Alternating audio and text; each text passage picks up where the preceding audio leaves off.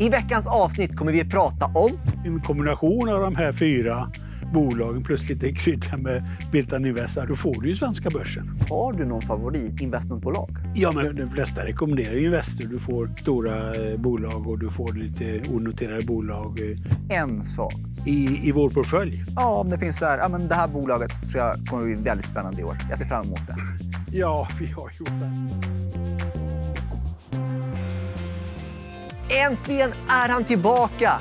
En VD för ett investmentbolag, men också älskar att prata om andra investmentbolag. Och det är där vårt fokus ska vara idag. Utöver det pratar vi om konjunktur, räntor, inflation, svag svensk krona och mycket mer. Jag säger Per Håkan Börjesson, VD för Spiltan. Varmt välkommen hit. Tack så mycket. Du var här i höstas och då tyckte du att börsen har börjat bli billig. Och du pratade om att ni har eh, använt kassan, köpt på er mer. Och ungefär då var vi vid en botten och därefter har vi haft en ganska bra uppgång. I alla fall nu när intervjun spelas in så har börsen haft ett ganska glatt humör. Ja. Tycker du att det var, var det medvetet att det skulle vara vid botten? Du pratade om att börsen var billig. Eller hade du lite tur? Eller hur skulle du tolka det? Ja, det måste ju vara mest, mest tur. Då. Jag säger det här med prognoser är svåra att göra, speciellt om det är framtiden. Så jag tycker att det, det läggs alldeles för mycket tid på det här med prognoser. Och liksom, det, det, det, det är så otroligt svårt. Alltså, i, i, om man ska vara ödmjuk måste man säga att ingen vet hur, du, hur framtiden ser ut och det händer alltid saker, även någon som är experter. Så jag tycker man ska vara otroligt ödmjuk och vara, liksom fundera själv vad man har för aktier och vad man vill, vad man vill vara och hur långsiktig man är som är, är ännu viktigare än att lyssna på alla, alla prognoser. Men eh, det visar sig ju vara, bra då, men, men, eh, men eh, ingen, ingen vet ju. Och jag kan ju avslöja att, eh, eller det har vi gjort under hela året, men vi brukar ju berätta om vilka fonder som är bland de mest populära. Och eh, Spiltan Investmentbolagsfond, Ja. den är ju bland de mest populära hela tiden. Och det är nog för att många månadssparar. Ehm, tror du att, varför tror du att den är så populär? Och är den ett bra verktyg att vara investerad mot börsen generellt utan att vara så aktiv själv? Ja, absolut. Nu är det så att eh, Investment AB Spiltan, Spiltan Invest som jag är VD för, äger 80 procent av fondbolaget som i sin tur då förvaltar ett antal fonder varav en är Spiltan Investmentbolagsfond. Så att, eh, det är de som sköter förvaltningen och eh, nu är det samma, eh, ungefär samma procentandelar. Men, men generellt sett så tycker jag ju investmentbolag är fantastiskt bra placeringar. Du har eh, aktiv förvaltning, du har bra ägare, du har låga kostnader, du får riskspridning eh, till, till, till låg kostnad. Och sen har du ofta lite, eh, lite krydda i form av onoterade aktier. I Lundbergs får du fastigheter. Och så, så att det har ju varit, det visar sig en, en, en fantastiskt bra placering generellt sett. Så det tycker jag att det är, om man ska ha en, en eller några aktier så tycker jag man ska köpa investmentbolag för att de, de är så bra. Det är klart, det blir ju den här, den här investmentbolagsfonden är, är ju ett exempel så det är låga kostnader och sen skulle man då, tycker jag då som är VD för Spiltan, att man ska komplettera den med Spiltan Invest också då, men det är ju min personliga uppfattning då. I och med att inte de har den, för det är lite känsligt med att vi, att vi äger dem. Då. Ja, absolut. Eh, å andra sidan så tänker jag på um, investmentbolagen. Många brukar ju titta på substansrabatt versus substanspremie. Mm. Och då har, man, eh, då har det blivit lite debatter kring ska man någonsin köpa ett, ett bolag, ett investmentbolag till en substanspremie som är kraftig? Finns det någon poäng med det? Ja, men det är ju ändå eh, liksom, alltså, vad är substansutvecklingen på de innehaven som är det viktiga. Eh, och då ska man ju titta på de största innehaven, man ska titta på kostnader. Tror man på de innehaven? Och det är klart att, att eh, då är det ju, kan det vara idé att köpa även en en premium tycker jag. För det ger ju bara en kortsiktig effekt. Alltså eh, substansrabatten kan minska eller öka eller premien öka eller minska. Men, men på lång sikt så är det ju ändå vad är det hur, och vad avkastar man på, på de innehav man har. Och- Eh, Om man då tittar på en, eh, rabatten eller premien, har du märkt av själv genom åren att det blivit mer fokus på rabatt och premie eller tycker du att det har varit så hela tiden? Ja, men det var, jag hittade någon gammal artikel nu för eh, hittade en tidning, då var ju generellt rabatterna 30-40 procent. Jag tror vi pratar 70 eller 80-talet. Så då har ju generellt sett eh, med att investment varit framgångsrik och det kanske eh, Spiltan Fonders investmentbolag har bidragit så har ju rabatterna generellt minskat. Och, och sen var det ju då det börs och så 2021 att alla var, då var det många bolag som hade en premium och nu då när börsen går ner eh, ja, då är det allmänt tryck neråt för, för, eh, för alla bolag och då ökar rabatterna. Och till exempel Spiltan Invest, då, vi hade ju en liten hås där i slutet på 2021. Där eh, vi var nya på börsen, alla var positiva. Vi hade ju premie på 35 procent. Och eh, i, i, idag är det kanske en, en, en rabatt på 12-15 procent och, och substansen har ju egentligen inte förändrats är ju ungefär lika faktiskt. Vi har ju gått mycket bättre än börsen men, men, men, när vi ser på substansutvecklingen. Men, men aktien har, ju, har du gått ner. Men när ni var på en substanspremie på 35 procent, ja. kände du då att nej, nu tycker jag till och med mitt eget bolag är för dyrt? Vadå att den var... Kände du att det var för dyrt? Nej, det, det, det, är klart, nu blev man ju färgad. Då, för det var ju, det var ju eufori. Det var, alla var ju optimister där i november, december 2021. Va? Det har gått bra, vi har kommit ur covid. Och, och, och så det, det, det, ja, då, var ju, då var ju många andra investmentbolag hade premie också så att jag kände inte att vi var felvärderade. Men så är det klart att i efterhand kan man ju säga att det var, skulle, skulle kanske titta på det. Men jag, vi gjorde ju ingen så. Utan, eh, Nej, det, så tänkte jag inte då. Och när du, eh, för jag vet ju att ni är synonymer lite grann med investmentbolag. Dels för att ni är det själva, men dels för att er fond är rätt populär eh, i fondbolaget. Så eh, funderar jag på så här, har du, om ni inte får välja dig själv, har du någon favorit investmentbolag? Ja, men generellt sett, det är ju, de flesta rekommenderar ju Investor. Du får stora eh, bolag och du får lite onoterade bolag. Eh, är, är ju fantastiskt bra. Latour är väl nästan något bolag som jag brukar säga som är favorit. Att de har, nu har de, i och för sig lite premium då, men de har, tycker jag, vara bra bolag och de har en industrirörelse. Lundbergs, då får du ju industrivärden och du får de andra bolagen och du får fastigheter. Och även industrivärden är, tycker jag är nu är de, de lite, lite tråkigare i och med att det inte, ja. är, i att inte är några onoterade bolag. Men, men ändå tycker jag de, de bolagen är bra också. Så att i en kombination av de här fyra bolagen plus lite krydda med Spiltan Invest, då, har du ju, då får du ju svenska börsen. Men om vi, om vi fastnar lite grann på industrivärlden. För jag har ju fått... Så här, det, många investmentbolag är tråkiga. Det, är liksom, eh, det ingår ju någonstans att man behöver inte mm. vara superaktiv. Det är inte nödvändigtvis bra att vara superaktiv. Eh, men kan industrivärlden vara lite för tråkiga? Det känns som det aldrig händer någonting där.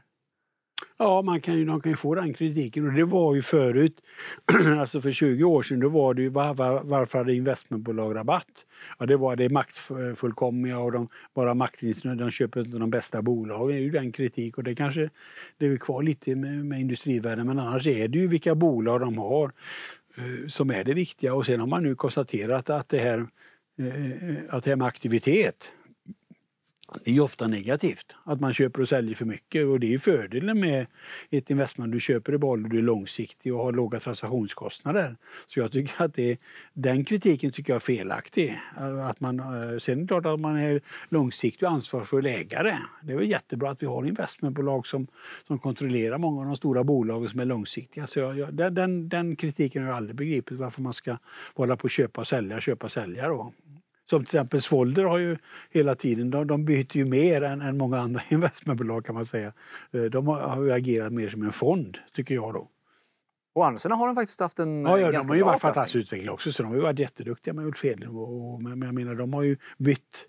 Eh, liksom, om, eh, men, men de andra har ju nog tendens att mer, eh, mer långsiktiga innehav och, och, i, i sin innehav. Och här blir jag lite nyfiken för eh, Svolder ska ju byta vd. Mm. Och eh, en fågel viskar i mitt öra att jag kommer få in den nya vdn till eh, Svolder till Sparpodden här i framtiden.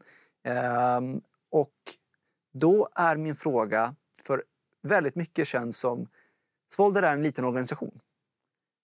När det är en så viktig kugge som Ulf Edlund lämnar så är det en stor kostym att fylla. Hur tror du det är att fylla ut den kostymen?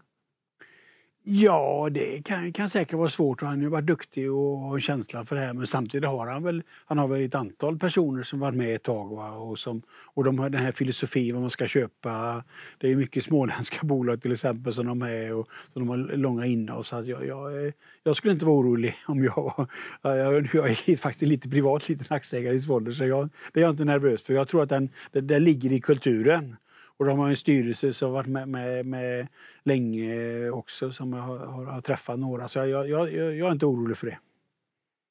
Och eh, har du någonsin så här, eh, funderat på, när ni tar Spiltan, hur beroende är ni av ja, men, sådana som dig och dina närmaste kollegor? Skulle man kunna byta ut er och tro att det blir någon form av samma avkastning eller är mycket av humankapitalet satt hos några få individer hos er själva? Ja, men det är ju, det, vi har ju fyra investment managers som jobbar med bolagen och, och, och ett antal styrelseledamöter så det är ju liksom det är utspritt på 8-9 personer. Va? Så jag är med lite grann i fastighetsbolagen men jag har liksom nuvarande värden eh, om jag skulle få tegelsten i huvudet så försvinner inte de värdena. Det är ju bara frågan hur mycket kan jag påverka eh, liksom framtida värden. Jag är ju med i nya beslut vad vi ska göra för nya saker. Va? Men annars själva nuvarande värde förstörs ju inte. Och det är klart, att vi har ju också byggt upp en kultur eh, och eh, hur vi ska agera och vilka bolag vi är. Men det är klart att det är, men det är våra investment managers och, och eh, eh, ett antal av våra styrelseledamöter som är aktiva. Så att jag eh, skulle inte vara nervös för det heller om jag ska vara aktieägare i Spiltan. Men om man eh, pratar lite rabatter och så. Om man skulle bara krast gå in på hemsidan IB Index som många använder mm. för att se vad rabatter och premier ligger i och kolla på vilka som har eh, högst rabatt så skulle till exempel ett VNV Global ligga väldigt högt upp. Men där är ju nästan, om, nästan hela portföljen onoterad om jag minns rätt. Um, hur, eh, hur värderar man ett bolag där så mycket är onoterat? Kan man lita på att rabatten är där den är eller är det verkligen 60-70 rabatt i ett VNV Global? Ja, jag, jag, kan inte dem och jag vet inte vad de har för innehav. Men, men det är klart att det, det, det, det, är ju samma sak. Kinnevik har ju drabbats också. Att de har ja, gått, gått, gått in i ett antal, satsat mycket pengar i ett antal av de här typen av tillväxtbolagen och flera hundratals miljoner till miljardvärderingar. Och då tror väl börsen att de inte, de inte Eh, är värda det. Och det får ju framtiden eh, visa. Så att säga. Det är väl säkert några som kommer gå jättebra och några som går överstyr. Och det, är väl det som är problemet med... Eh, då ska man ju titta på de största innehaven. Ja, nu till Kinnevik finns det väl några som är noterade. Och vad är det för potential i dem? Och, och, och, och det är samma i Spiltan Invest. Vi har ju 25-30 procent i onoterat. Och det är klart det största innehavet är ju Spiltan Fonder som vi tycker är lågt värderat. Vi har P.O. Persson som är ett fastighetsbolag som vi Eh, som kanske har haft lite problem, men, som, som har, men de håller även på med förvaltning som ger intäkter. Så jag, i våra portföljer, jag, men det kan ju också vara en anledning varför vi har en rabatt. Att folk, vi, vi står ju över onoterade innehav. Liksom, så står det liksom eh, en, en, en, nu är det väl över en miljard så, som vi har. I, i, vi redovisar de större innehaven och det kan man ju se. Då kan man gå in på titta årsredovisning på Spiltan Fonder och P.O. Persson. Och är, det här, är de här värdena vi säger är rimliga? Eh, eller är, är de högt värderade? Men det är klart att det finns säkert de som tycker att vi men vi anser inte att vi har några och vi går igenom det och det är ju en viktig diskussion i samband med att vi gör bokslut. Eh, har vi rätt värderingar på, på de här innehaven vi går igenom med, med revisorn då? Så att vi, vi, tycker inte att vi har några... Eh, och sen är det ju svårt, vad är, vad är rätt värde på ett onoterat bolag? Ja, det är ju vad de vill köpa. Och helt plötsligt eh, kanske de får jätteproblem och konkurs. Och helt plötsligt kan det komma bud som är dubbla värdet. Alltså det, det är jättesvårt. Så då måste du lita på ledningarna och, de, och man har. Och du var faktiskt inne lite grann på det, men eh, Kinnevik har ju gjort en resa. De har haft många stora innehav som de sen eh, sålt av. Där. Millicom till exempel och så. Och eh, blivit mer lite av tillväxtbolag där och så. Eh, har det liksom Tycker du att den utvecklingen har varit eh, bra på lång sikt? Tror, tror, du på den utvecklingen i Kinnevik eller hade du önskat att de tog en annan väg, säg för tre, fyra år sedan? Ja, nu har inte jag, jag följer inte dem heller så, så jättenoga. Jag bara kan konstatera att de sålt av liksom de här stabila bolagen som, som gav kassaflöden. Och klart att det är ju, en, det är ju hela tiden en avvägning, så, så, även som vi tänker. Vi har vissa stabila bolag som säkert ger kanske dubbla pengarna om, om fem år. Eh, och det är 15-20 i årlig avkastning. De är lite tråkiga. Och sen har vi spännande bolag som, som kan ge 10 eller 100 gånger, och, gånger pengarna kanske om, om de lyckas. Och det är väl det de har, har eh, sålt av lite av, av de gamla eh, gamla trotjänarna, Korsnäs och andra bolag. Och det är klart att jag, jag tror till och med var, jag eh, skrev lite grann när de sålde det där, liksom, eh, snurrar han runt gamle Stenberg i graven nu när han säljer av Korsnäs då som, som, var, som, så, som jag är nog, hade nog inte gjort det om jag varit för chef för, för, för, för Kinnevik va? Och med den historiken de har med de här stabila bolagen. Så att jag tycker båda delarna är bra. Sen är det alltid frågan vilken ska du ha mix.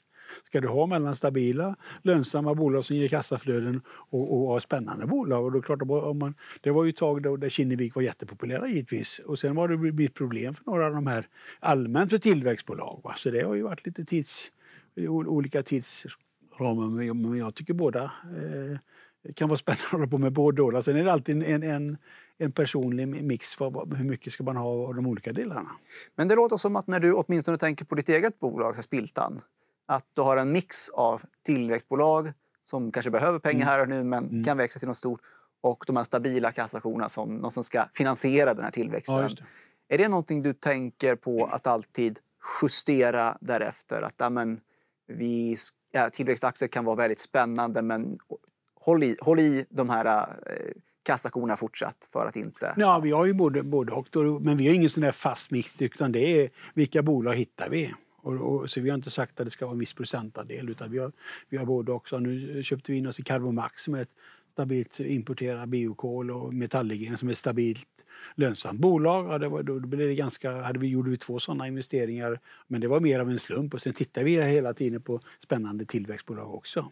Så att det, det är både och. Men, men, men, som vanligt när vi håller på med tillväxtbolag, allting tar längre tid och kostar mer pengar. Då måste man ju räkna med, och då har vi ju satsat ganska lite pengar eh, av, av vår portfölj, alltså kanske 20-30 miljoner. Och i några fall har vi fått stoppa in mer pengar, stoppa in mer pengar och då blir det större investeringar för att de behöver mer pengar för sin expansion. Då. Så att det, det eh, är, är, eh, men det är klart att man vågar kanske inte satsa lika mycket pengar då i ett tillväxtbolag för man vet att det kan ta längre tid, det kostar mer pengar. Men å andra sidan så lockas man av ett nytt Paradox eller ett nytt Spiltan Fonder. Klart att, och det får ibland kritik. Hur kan du hålla på med så mycket olika? Ni snackar om Warren Buffett. Ja, det är klart, han hade inte investerat i Paradox, han hade inte investerat i Spiltan Fonder som är våra två stora succéer. Så att det, det är en avvägning. Och då eh, funderar jag liksom på, för det finns ju en eh, grej man brukar säga eh, i ekonomivärlden att eh, men, tråkigt brukar ofta vara mer lönsamt än det som är roligt för att många kollar på det som är roligt och så vidare.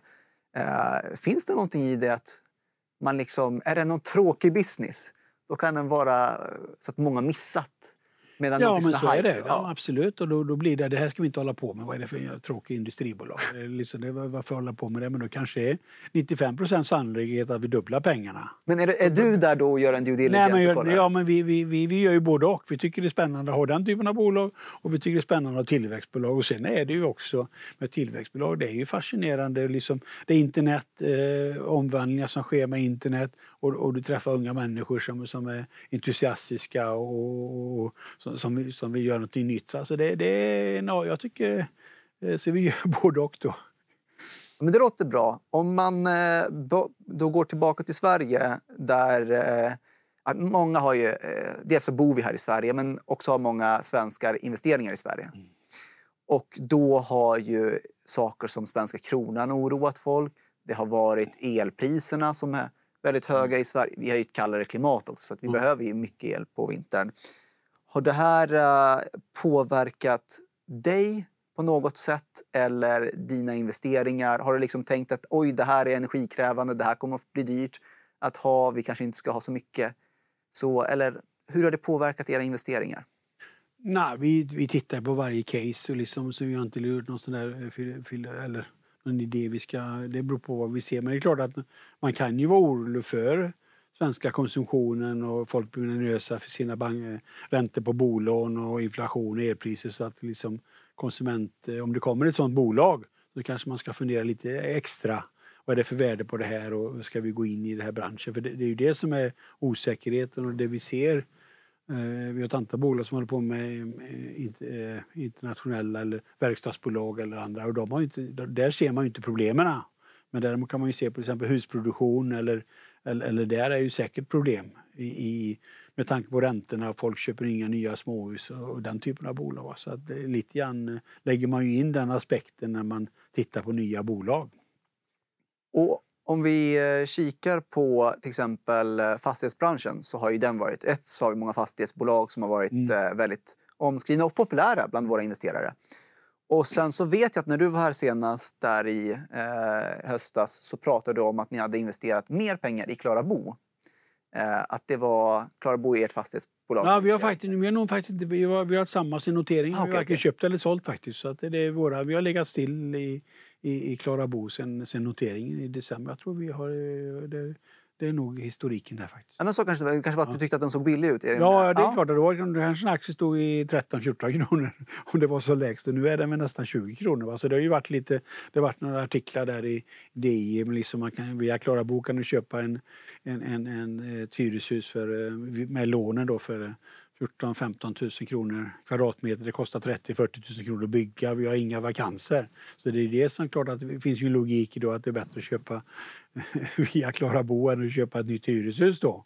Men samtidigt är ju marknaden orolig för nu finns det inga obligationer där så i, utan det är banklån. Men det är klart att marknaden är ju orolig då för att om vi har fortsatt högt marknadsläge eh, ränteläge om, om två, tre år när våra lån löper ut, då, är klart att då, är, då försvinner en stor del av, av, av ehm, eh, rörelseresultatet. Och samtidigt kan man då höja hyror, men där finns en osäkerhet med, med, med vad man får för avtal med, med de olika hyresgästföreningarna och så har man högre kostnader. Så det är de tre faktorerna. Men, men, att det finns, det finns ju ingen risk. Liksom. Det finns ju inga vakanser. Eh, vi renoverar eh, nu, nu lägenheter som blir tomma så vi, så vi kan eh, höja hyran och det blir ju ett helt nytt boende för de som gör det. Va? Så att jag är inte orolig för bolaget så. Sen är det ju tråkigt att, att kursen har gått ner då, sen noteringen. Uh, och uh, du har ingen oro för, eller kanske man, man, kanske har lite oro, men har du någon oro för fastighetsbranschen generellt sett? För ja, Klara Bo kanske, det är ett av er, men det finns ju många här i Sverige som har en, eh, en hög belåning och så har de en bostadsrätt med hög belåning och ska räntan upp där och bostadsrätten ska höja sina avgifter och man har elpriser, då blir det inte så mycket kvar i plånboken för att konsumera och det är många bolag som påverkas. Har du någon sån oro? Nej, men det är ju det är klart att det blir jobbigt för många, både med högre räntor och elpriser och allt det andra. Men så länge du har kvar ditt jobb eller inte skiljer dig, måste sälja. Det är ju det som är problemet om, om marknaden går ner eller har gått ner. Det är då du får verkliga, då blir det problematiskt för då måste du sälja i en dålig marknad. Men om du har kvar ditt jobb och du fortsätter så, så, så kommer, det, kommer det säkert gå tillbaks upp. Eller om du har, nu har har hyfsat, om du inte bor i, kanske i Sveg eller något alldeles konstigt ställe så tror jag ju att det, det är bara att, att, att försöka kämpa med det här då. Och, liksom, och, och som hände i USA då 2008 det var ju att man köpte inte ett hus, man hade tre hus. Och enda sättet att förlora pengar på fastigheter var inte att ha några. Det var ju liksom mentaliteten då 2008 och då blev det ju en total krasch.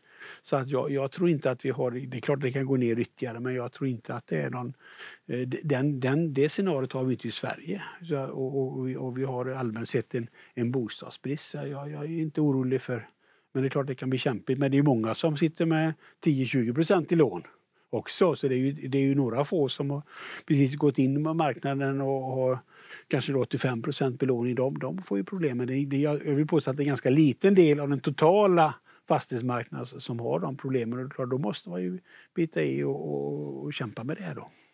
Och om vi bara får stanna kvar lite grann i orosmoln så är ett annat stort orosmoln eh, inflationen. Att eh, här i Sverige så kommer inflationssiffror som är eh, mindre bra eh, ganska hög inflation. Är du orolig för inflationen då? Ja, det är ju klart att det är ju kopplat till det här. Men, men jag tror samtidigt, nu har vi sett fraktpriser har gått ner. Eh, jag sparar el hemma. 10 miljoner andra svenskar sparar el. Det blir mer elkonsumtion. Eh, det blir inga byggstarter. Folk blir arbetslösa. Eh, ja, då blir det lägre priser på, på cement och på trävaror och allting. Så det, det, den här effekten har inte kommit igång än. Så jag är nog inte så eh, orolig för. Jag tror faktiskt, eh, det var nog vad jag tyckte redan i höstas, att säga att det här kommer nog bli ganska tillfälligt. Men samtidigt kan man nog tänka sig att, eh, att vi inte kommer komma tillbaks till den situation vi har haft 20 år som har drivit att räntorna har gått ner. Och det är klart att det, det är nog ett scenario att det kanske inte kommer att gå ner till lika låga räntor som vi haft. Och då, klart, då blir det ju mer att man ska titta på, om det var då, det var ju TINA då, there is no alternative, folk köpte aktier och, och, och fastigheter, det var ingen hejd på det 2021 och nu är det ju mer, läste jag Economy, nu tar there are real alternatives. Ja, det innebär att det finns alternativ, man kan köpa eh, amerikanska statsobligationer som ger 4% och man kan köpa företagsobligationer som ger 8-10% om inte de här bolagen går i konkurs. Och då blir det mer attraktivt med den typen av placeringar i, i, i, det, i börsklimatet vi befinner oss. Och, och tillväxtbolag kommer vi få lite tuffare som har vinster långt fram i tiden. Halloj! En kort avstickare bara. Ni som är kunder hos Nordnet eller funderar på att bli kunder hos Nordnet. Har ni 2,5 miljoner kronor i kapital hos oss, då har ni möjlighet att bli Private Banking-kund. Kostar ingenting extra, bara förmåner. Till exempel så har ni våra bästa villkor när det kommer till aktiehandel eller exklusivt material eller möjligheten till ett fantastiskt bolån. Det och mycket mer för er Private Banking-kunder. Men kravet på 2,5 miljoner kronor, det gäller allt, inklusive tjänstepension. Så är det så att du inte riktigt når upp till kravet på 2,5 miljoner kronor, då kan du flytta in din tjänstepension. Ofta kan det vara det som får bägaren att rinna över och bli Private Banking-kund. Så missa inte den möjligheten. Förresten, visste ni att vi är Årets bank enligt Privata Affärer? Ja, det är vi. Tillbaks till intervjun. Senare i Sparpodden. Kompisar som har köpt eh, fastigheter i Kina och de har köpt grejer i Dubai och så förlorar de alla pengarna. Då hör man inte om det, men när det går bra så hör man om det. För mig är det obegripligt att till exempel Sjunde AP-fonden, eh, de har 1 i Sverige för, för svenska marknaden är 1 av, av världsmarknaden. Det är ju deras logik som jag tycker är helt fel. Vad är det som du ser mest fram emot i år? I, i vår portfölj? Ja, om det finns så här, ja, men det här bolaget tror jag kommer att bli väldigt spännande i år. Jag ser fram emot det.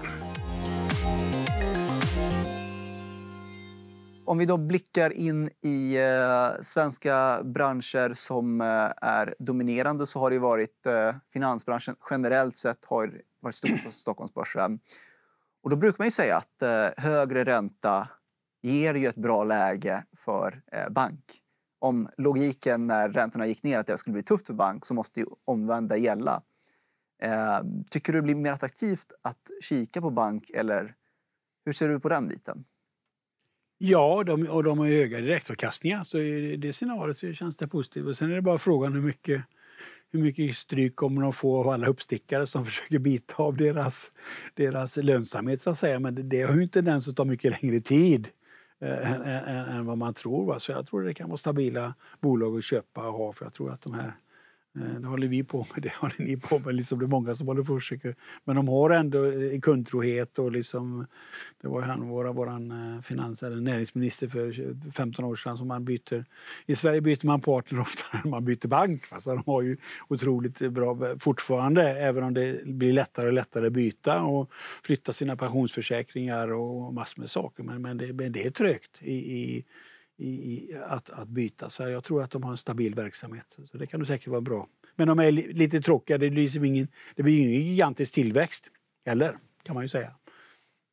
Är vi för dåliga på att förhandla våra bostadslån i Sverige? Ja, absolut. Det är ju helt klart så att det finns ju en skillnad mellan listräntan och den faktiska räntan. Nu, nu, nu måste ju bankerna ge in de måste ju ge, uppge båda, så det kan ju skilja nästan en procent. Så om du inte frågar och inte förhandlar, och då får du kanske 3,5-4 procent. Om du förändras, så får du kanske 1 procent lägre. Så att, och det är klart att det är, det är många som är nu kanske i Stockholm och som läser tidningar och, men liksom stora flertal ute, ute i landet tror jag inte tänkt på det. Jag hade ju en, en, en gammal gymnasiekompis som gick ut, vi håller ju på med, med, med en satsning då via Heim och Bolån som vi håller på att försöka komma in på den här marknaden och han, han blev ju jättesur när han fick reda på, har jag, han har haft samma eh, bank i 20 år och att, eh, alltid betalat listräntan. Så det är klart, det finns många sådana personer som, som har det. Så jag tror absolut finns ett behov. Och det är ju jättestor lönsamhet för bankerna givetvis, med bolån. Och du säger ju en procent och då menar du liksom en procentenhet medan det i procent i Ja. räntekostnader skiljer sig jättemycket. Och då blir det så här, äh, om det ändå är så mycket pengar som står på spel, vad tror du det hindrar just svenskar att inte förhandla bolån? Ja, men det är ju samma sak där. Man, man, är- man är trogen sin bank och man har alltid haft... eh, Det är ju såna här kombinationserbjudanden att eh, du ska ha bolån, du ska ha försäkring och du ska ha, kanske ha någon check och det är böcker du byta då. Alltså det är väl en gammal, gammal vana och att man inte tänker på att den här möjligheten finns. Om man, om man kanske har det gammal, man ska stå där med mössan i handen och inte banken så att säga. Det lever väl kvar också. Och om man eh, kikar på eh, det man också kan göra är att börja spara pengar i bank. Att man behöver inte ha dem på ett bankkonto med 0% ränta. Nu finns det ju liksom lite alternativ där. Eh, är det något du själv eh, privatekonomiskt kikar på att ja, men nu kan man fullt gott med samvetet ha liksom ränteprodukter också eller är det fortfarande aktier som lockar mest för dig? Ja, privat ser gör jag ju så. Jag har ju, jag har ju klart jag har ju ett bankkonto med mina lönekonton så jag får 0 procent på. Men annars, jag tittar på det. Jag är ju intresserad. Jag köper ju mer aktier i Spiltan Invest då, om jag, om jag får loss några pengar och tycker det är spännande och, och ser potentialen i det. Så att, eh, men det är klart att det är väl bra just för man har buffert för, för några utlägg eller om, om man har att man, nu finns ju de här uppstickarna som kanske ger 2, 2 ränta i dagsläget. ju På, och, eh, som har, och dessutom som har det är väl ett skydd där på 100 000 euro också. Det är absolut man kan satsa på det om man vill ha pengar. För, och det ska man ju ha lite grann om det dyker upp något eller, eller, eller någon specifik sparande till ska åka ut och resa i sommar till exempel. Det är ju synd att köpa aktier som man bara hamnar i, i Finland. Om man eh, kikar på, eh, ni har ju en så här Spiltan räntefond. Mm. Men eh, det är ingenting du... eh, Lockas du hellre av att köpa Spiltan-aktien än att köpa Spiltan-räntefond? Ja, det, så gör jag privat. Jag har, inte, jag, har inte, jag har inga räntefonder eller banksparande. Men det är ju privat. Men det, det är klart att det kan ju vara ett sätt om man ska ha lite på lite kortare sikt kan det väl vara ett bra alternativ. Om man kikar eh, lite utanför Sverige och kikar runt i eh, Norden. Tycker du att det är... I och med att man eh, ofta har en lön här i svenska kronor och så, så blir det att kronan tappat, då blir det lite mer att växla. Och så, ehm, tycker du att du har tappat lite attraktivitet att leta aktier i andra länder utanför Sverige eh, på grund av kronan? Ja, det kan man. Det är klart att det har varit en fördel. Nu det här året har det, har det varit fördelaktigt att ha utländska aktier. Annars har jag alltid propagerat för svenska aktier. Man har sin lön här, man har sin pension. Man, man gör eh, alltid dolda risker. Va? Man liksom, som vi håller på med. Kollar referenser, vad är det för människor? Och liksom, jag har ju massor med kompisar som har köpt eh, fastigheter i Kina och de har köpt grejer i Dubai och så förlorar de alla pengarna. Då hör man inte om det men när det går bra så hör man om det. Så jag är ju, eh, tycker ju ändå att det, det finns en risk där i, i eh, som man inte tänker på Eh, när man köper utländska tillgångar. Men det finns inget rätt och fel. Klart om man köper stora bolag så, klart eh, så är det klart att då får du exponering och det, det tycker jag det, det får var och en avgöra. Jag tycker man ska ha stor andel i Sverige själv då, både privat och ja, Spiltan. Vi har ju då i princip, vi har, många av våra bolag har utländska eh, affärer givetvis. Men sen köper vi Berkshire Hathaway. Ja, då har vi ju koll på Buffett och varit där och, och, och följt honom i, i 40 år. Va? Då, är klart att då, då litar vi på det, att, att det är en bra placering. Men det finns ju ett argument som många har dragit fram att ämen, i Sverige vi har så mycket exportbolag så man eh, behöver inte investera utomlands så man får en exponering mot global handel ändå via Sverige. Är du mer på den linjen? Ja, absolut. Och sen har vi ju fantastiskt, men svenska börsen har ju gått bättre. Nu kanske förutom sista året, för 5, 10, 20 år så är det bland de bästa börserna för det för vi har så bra svenska exportbolag. Det är klart det är bättre, bättre att följa Volvo, Volvo-lastbilar eh, till Brasilien än att, än att hitta någon brasiliansk tillverkare. Varför ska vi hjälpa indonesiska pappersbruk när vi har bra pappersbruk här? Va? Och sen är det ju också, tycker jag, med arbetstillfällen och liksom kapital till svensk industri. Så för mig är det obegripligt att till exempel Sjunde AP-fonden eh, de har 1% i Sverige. För, för svenska marknaden är 1 av, av världsmarknaden. Det är ju deras logik som jag tycker är helt fel. Svenska pensionspengar ska hjälpa svenska bolag och, och, och, bli duktigare. Och, det är ju ändå så när man köper en aktie, då bidrar man ju ändå till kapitaltillförseln tillförseln för, för svenska bolag. Och då tolkar jag det som att det finns en... eh, ett egenvärde att det är Sverige man satsar på när man lägger sina pengar på aktiemarknaden för utöver avkastningen att det är svenska arbetstillfällen och svenska jobb och svensk Ja. kompetens. Så tycker jag. Och om du fick vara en sjunde AP-fond, då hade du satsat mer på Sverige, men eh, hade du, eh, hade du inte haft en lite mer valutarisk där som vi haft? Jo, men du ser på de stora AMF och Alecta och de som håller på med våra pensionspengar. De har ju en stor andel i Sverige, kanske bara 20, 30, 40 procent i Sverige. Men de har även utländska tillgångar. Så jag säger ju inte att det är fel att ha utländska tillgångar. Men det här extremen att man ska följa världsindex. Det tycker jag är en extrem som Sjunde AP-fonden har. Det är ju ändå ganska mycket pengar som hamnar där hela tiden. Och sen så vet jag att eh, du, har skrivit en, eh, eh, du har skrivit en bok och så har du gjort en uppdatering på den. Just det. Jaha. Det är våran, eh, kommer ut där i februari. Det är den här första boken, Så här kan alla svenskar bli miljonärer. Som, som eh, kommer ut med en ny... Ja, det, är, det är en uppdatering helt enkelt av, av den första boken. Och då är man nyfiken, vad är, vad är uppdateringen? Du behöver inte spoila allting, men Ja, nej, men det, är ju, det har ju hänt en del på eh, finansbranschen. Men man får väl ändå säga att eh, det har blivit bättre i några produkter, eh, kanske typ aktieindustriobligationer. Det var många som jag tyckte illa om då. De har nästan försvunnit tack vare att det blir bättre lagstiftning och, och, och konsumenterna har bättre produkter. Och sen klart att eh, Eh, så skrev jag att den eh, låga räntan ska man utnyttja. Det går inte att skriva längre, får man byta och så vidare. Så att det är gjort en uppdatering på, på det som jag tycker har hänt på finansbranschen. Men själva grundtesen med att man ska spara 10 och man ska vara långsiktig och man ska köpa behålla, man ska inte hålla på med dolda indexfonder. Och liksom grundteserna är ju stämmer, stämmer. Och det är det som är det roliga, att det är så många som hör av sig nu. Ja, det var första boken jag köpte då, 2008-2009 när det var lite grann samma läge som nu. Om man då köpte boken för 100 kronor och, och sparar, och nu sparar 5-10 av sin lön, ja då är man miljonär. Och det är ju det som är så fantastiskt roligt efter 15 år att, att, att det går, det fungerar. Och jag brukar säga att det till och med är sant att alla svenskar kan bli miljonärer. Men det gäller ju att eh, sätta upp och, börja framförallt. Det är det som är så svårt. Liksom nu är det kanske antal som börjar med internetmäklare och, och som är, men det, det är 20-30 procent kanske som är hyfsat insatta men det stora flertalet tror ju då att det enda sättet att bli miljonär är att köpa lotter. Och det, och det, det, det, det, det är ju tragiskt. Och vi har statsmakterna som gynnar det här också. Ja, det enda, eller, så det, är- det är jättetragiskt att man inte har någon utbildning i skolorna. Vi har ju ett projekt nu, vi delar ut den här, en bok nu till, alla, till skolungdomarna till exempel. För vi tycker att vi gör en insats för det här. Att, att det vore, behövs verkligen det här, all, mer utbildning. Men det, även om det skrivs mycket och man läser tidningar, men det är ju ändå en begränsad del av, av, av, av uh, svenska folket som känner till det här. Så det är ju utmaning att liksom försöka gå ut ännu bredare och kanske få ännu fler. Och, och, och det är enkla, eviga tips. Att säga, spara 10 köp och behåll och vara långsiktiga. Det är ju jätteenkelt egentligen. Men ändå är det det finns ju en amerikansk bok som heter Varför gör smarta människor så mycket dumma saker med sina pengar? Va? Och det, det, det är ju så det är. Och det är tråkigt. Och även de som har pengar, de gör ju dumma saker också. De går ju ut och köper massor med konstiga saker. Och, och liksom det, det är ju hela tiden. Eller nu amerikanska dödsobligationer och, eh, och nu har det varit kryptovalutor. Många, som, blivit- många ungdomar som blivit lurade av det.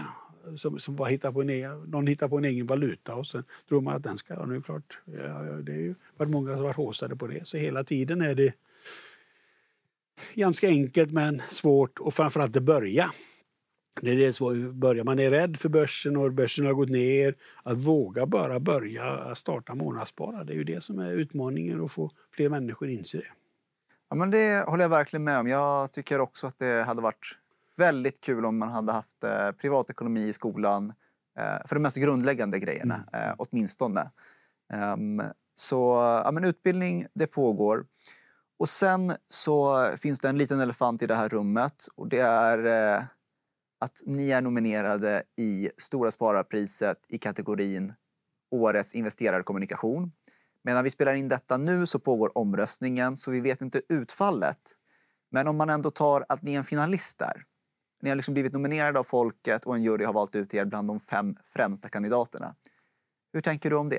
Ja, men det är klart att det är jättekul. Vi har ju precis, det var ju ett, eh, drygt ett år sedan vi gick på ut i börsen eller på NGM Pepmark och vi handlas varje tisdag och vi har fått då faktiskt 12 13 000, vi har 17 000 ägare nu. Vi hade väl 5 000 då för, för ett år sedan när vi var onoterade. Så det är klart jättekul. Men vi har ju, det, det, är väl ett, ja, vi har ju fått lyfta upp det här till börsstandard och med kvartalsrapporter och vi har livestreams, eh, vi skickar ut information till alla aktieägarna och, och, och eh, sen är det ju lite grann vår grundkultur att vi ser våra aktieägare som som partners och, och, vi är långsiktiga och vill ha dem med. Och vi, ska, vi ska ha en trevlig årsstämma nu den 13 maj så det är väl jättekul att det, att det finns många. Och så är det många då som har eh, blivit framgångsrika både med att spara i, i Spiltan Fonder och i aktierna och att det går bra också. Och om, eh, det finns ju många börsbolag där som säkert har samma ambition som er att nå ut till sina investerare på det sättet. Men om du fick ge några eh, tips. Vad, vad bör ett bolag göra för att få de här relationerna med sina investerare? Ja, det är ju eh, klart man gör ju vissa saker nu med, med kvartal. Det gör väl alla kvartalsrapporter och skickar ut information och pressmeddelanden. Men sen är det just att få det, och det är ju problemet just med Euroclear, att du får bara postadresser. Och då är det klart, då tror man att alla går in på nätet och kollar. Men vi har ju skickat ut brev Ja, nu sen inför stämman förra året, även om vi inte hade någon riktig stämma, så skickade vi ut faktiskt brev till, till alla aktieägare med, med, med en bok då, till exempel. Så det är klart att det tror jag många missar och tror att alla är på nätet, men det är liksom eh, så, så är det inte, utan då måste man, tycker jag, även i onoterade bolag, propagerar jag för att åtminstone en gång borde man nu få, få någon information från bolaget. Men det är många som är emot det och så, då, då, då får man ju brev från stora bolag av, eh, av, av, miljöskäl så skickar vi inte ut någon mer information till dig för vi ska spara på papper och, och, och, skogen i svenska skogen. Ja, det är ju ett synsätt då. Men man kan också säga att om man är aktieägare i bolag så borde man väl få information en gång om året. Och det, det, tror jag många missar och, och tycker åtminstone kan fråga aktieägarna. Alltså det är helt enkelt det fysiska, att skicka fysiska brev? Ja, men det kom ju för, det var ju för, för, var det för 40 år sedan det kom det här Naspet, high tech, high touch. Va? Du måste ha high tech men du måste ha närhet och, och, och kontakt också. Va? Du måste ha både och. Och det tror jag många missar och tror att alla, alla är ute på nätet och alla, alla. Men så är det inte, utan du behöver ha både och. Om du fick plocka, om vi blickar framåt för år som kommer. Om du fick plocka en sak som du är mest spänd inför i år eh, i er portfölj. Vad är det som du ser mest fram emot i år? I, i vår portfölj? Ja, om det finns så här, ja men det här bolaget tror jag kommer bli väldigt spännande i år. Jag ser fram emot det. Ja, vi har ju våra största innehav Paradox då. Eh, så det är klart att det är otroligt viktigt och det där har ju haft en tendens att det går i, i vågor så att säga. Det kommer många spel ett år och så har det varit några år där de inte har spel. Så nu har de ju en stor pipeline som alla känner till. Och det är frågan hur kommer de spelen att slå? Och det är ingen som vet. Och här är ju fascinerande nu att eh, ja, nu, eh, sen nyår, nyår har ju aktien gått ner 15 procent. Från 210 till 180. Och vad beror det på? Det beror ju inte på att ingen har ändrat uppfattning om Paradox. Utan, ja, de har ändrat uppfattning om Paradox, men det beror på att Ubisoft, ett annat bolag, har, har vinstvarnat och släckt ner tre spel. Ja, då tror ju marknaden att, att både Paradox, Embracer och Stillfront har problem i sina portföljer. Men det finns ju ingen, ingen, det finns ju ingen koppling egentligen. Eh, för hur paradox, och det är ju fascinerande hur manodepressiv eller då antar jag att det är ett antal mäklare som ringer runt till de som har paradoxaktier och säger du, du Unisoft, nu är det problem här, du måste sälja dina paradoxaktier. Och så får man ner kursen 15 procent så får man in pengar på sitt konto och så ska man köpa någon annan aktie istället då. Men det är ju, det är ju ingen som vet, men, men vi vet ju att det finns 1,4 miljarder i balansräkningen som är, de har utvecklat spel i flera år.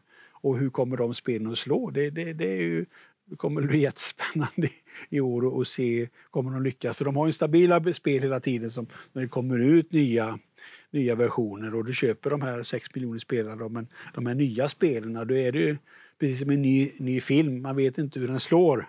Hur många är det som kommer säga till sina kompisar och vad blir det för reviews och sådär. Så det, det, det är väl det mest spännande för, för, för Investment av Spiltan i 2023 men det, låter, eh, det låter spännande. Det återstår att se då hur det slår faktiskt för Paradox. Eh, så hoppas jag att eh, vi får hit Fredrik Wester på en intervju så får vi gå djupare in i hur Paradox kommer slå i år. Men det var allt vi hann med i detta avsnitt. Vi är tillbaka nästa onsdag. Missa inte oss då. På återseende. Och stort tack för att du var med här Per. Tack så mycket.